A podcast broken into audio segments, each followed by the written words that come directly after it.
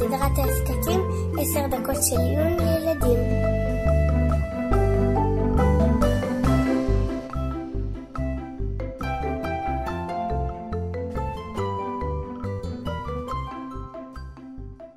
שמחה רבה, שמחה רבה, אביב הגיע, הפסח בא. מה נשמע ילדים? היה משהו בבית הספר לכבוד פסח? אבא, תשמע מה שאלו אותנו היום בכיתה. כמה סוגים של הלל יש בפסח? הלל, אני הלל. לא, הכוונה לתפילת הלל. מה הייתה התשובה? לא אמרו תשובה. אמרו שננסה לבדוק בעצמנו. איזה סוגים של הלל יש? אולי קודם כל ניזכר מה זה בדיוק הלל ומתי אומרים אותו. הלל זו קבוצת מזמורים מתוך ספר תהילים, מזמורי הודאה ושבח להשם. בדרך כלל אומרים את המזמורים הללו בתפילה בימים חגיגיים, ימי מועד, לאחר תפילת שחרית. גם בראש חודש אומרים הלל. נכון, אבל בטח שמתם לב שבראש חודש אומרים הלל לא שלם, מדלגים על חלק מהמזמורים. באמת לא הבנתי. מה זה המזמורים האלו באותיות הקטנות שבסידור שמדלגים עליהם?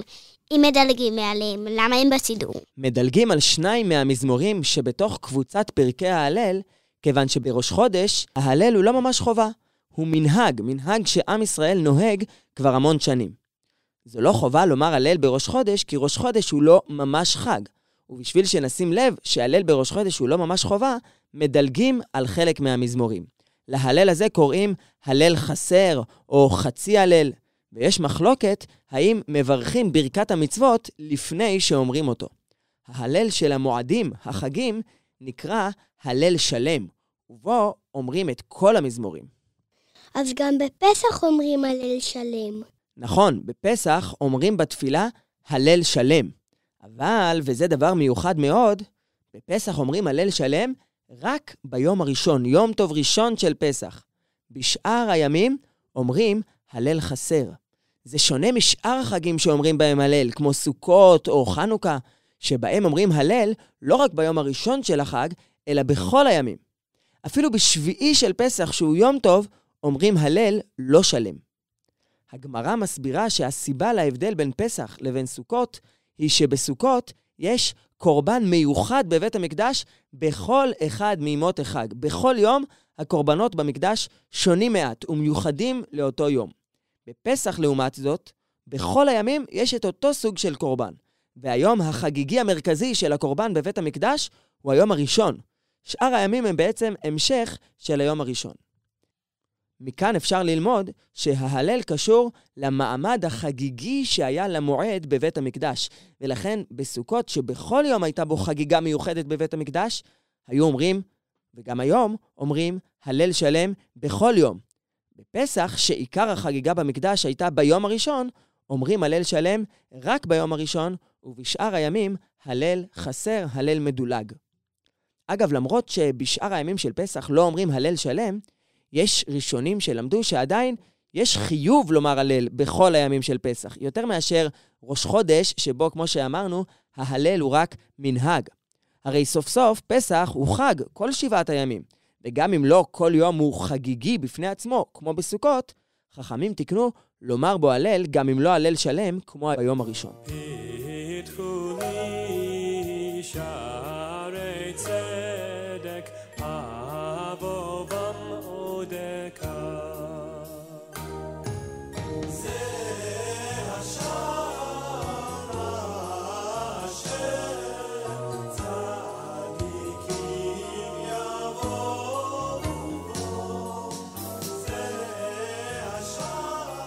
אז בינתיים יש לנו שני סוגים של הלל.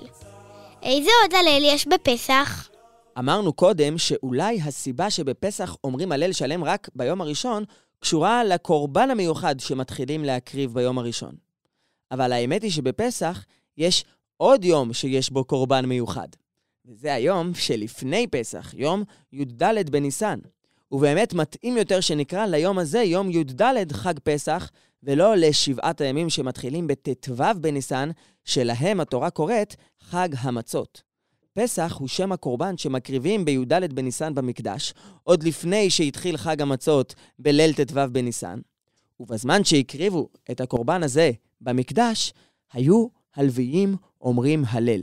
אתם יודעים, קורבן פסח זה קורבן שלוקח זמן להקריב אותו, אולי אפילו כמה שעות, כיוון שלא מדובר בקורבן אחד, קורבן ציבור שקרב במקדש, אלא כל משפחה או חבורה נמנים יחד על קורבן נפרד, זאת אומרת, הם קובעים מראש ביחד להיות חבורה שמקריבה קורבן אחד ושאותו הם אוכלים יחד בליל הסדר. וזה אומר שהקריבו הרבה מאוד קורבנות בצהריים של י"ד בניסן, לפי כמות החבורות שהיו. ובשביל זה עבדו באותו יום במקדש המון כהנים, לפי כללים מסודרים מאוד, כדי שכל העסק הזה יתקתק. בכל הזמן של השחיטה וזריקת דם הקורבן על המזבח, היו הלוויים אומרים את פרקי ההלל בשירה.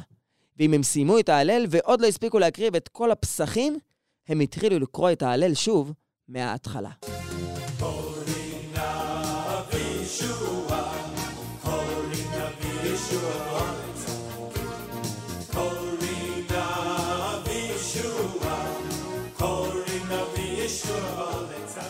יש לנו כבר שלושה סוגים של הלל בפסח.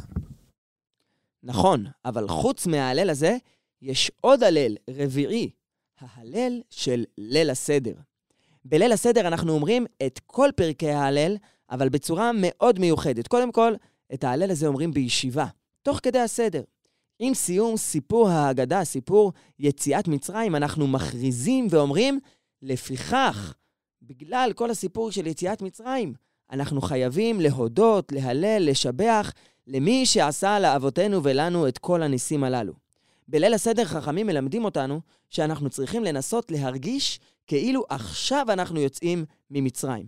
וגם את ההלל הזה אנחנו אומרים כמו אנשים שממש עכשיו נגאלים מצרה ומודים להשם ממש תוך כדי הגאולה וההצלה. ממש כמו שעם ישראל בטח אמר איזשהו סוג של הלל, גם אם לא ממש את ההלל שלנו, כשהוא יצא ממצרים.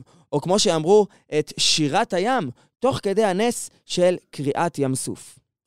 עוד דבר שמיוחד בהלל הזה של ליל הסדר, הוא שאנחנו מחלקים אותו לשניים. את התחלת ההלל, שני הפרקים הראשונים, אנחנו אומרים בסוף החלק של המגיד, שבו מספרים את סיפור יציאת מצרים, ואת ההמשך אומרים אחרי ברכת המזון עם אכילת המצה והמרור, שאר סעודת ליל הסדר. בצורה כזו, הסעודה של ליל הסדר כאילו עטופה בהלל משני הכיוונים, חלק מההלל לפני הסעודה, וחלק מההלל נאמר אחרי הסעודה. וכך הסעודה הופכת להיות סעודה של הודאה ושבח לקדוש ברוך הוא. אבא, בדרך כלל בחגים אומרים הלל ביום, בתפילת שחרית, נכון? כן, וזה באמת דבר מיוחד נוסף בהלל של ליל הסדר, שאומרים אותו בלילה, כי כמו שאמרנו בליל הסדר, ההלל שאנחנו אומרים נאמר מתוך התחושה שלנו כאילו עכשיו יצאנו ממצרים, ולכן אומרים הלל, למרות שלילה. אבל באמת, המנהג של הספרדים, ובימינו בארץ ישראל כך נוהגים גם האשכנזים, הוא לומר הלל בלילה הראשון של פסח, לא רק בבית באמצע ליל הסדר, אלא גם בבית הכנסת בסיום תפילת ערבית. יש כמה הסברים לדבר הזה. מה פתאום אומרים הלל בבית הכנסת בלילה? אבל אחד ההסברים הפשוטים הוא שבעבר לא כולם ידעו בעל פה את כל פרקי ההלל.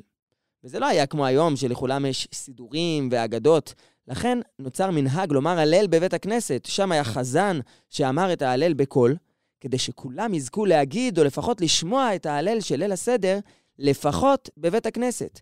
גם אם במהלך הסדר בבית לא תהיה להם אפשרות. אז לכמה סוגים של הלל הגענו? הגענו לחמישה הללים שונים. בלילה הראשון, ליל ט"ו, אומרים הלל פעמיים, פעם ראשונה בבית הכנסת, ופעם שנייה בבית, בתוך הסדר של ליל הסדר. בבוקר, ביום ט"ו בניסן, אומרים הלל שלם בבית הכנסת, כמו בשאר המועדים. ובשאר הימים של פסח, אומרים הלל חסר, בדילוג על שני מזמורים. חוץ מזה אמרנו שיש הלל חמישי, ההלל שאומרים במקדש ביום י"ד בניסן, כשמקריבים את קורבן הפסח. ואתם יודעים מה? בהלל הזה הכי הייתי רוצה להיות. זה בטח היה ממש מרגש ומרשים לשמוע מעל כל ההמולה וההתעסקות של כל כך הרבה ישראלים וכהנים סביב הקרבת קורבן הפסח, את השירה המיוחדת של הלוויים, הלוויים ששרים את ההלל במקדש. משה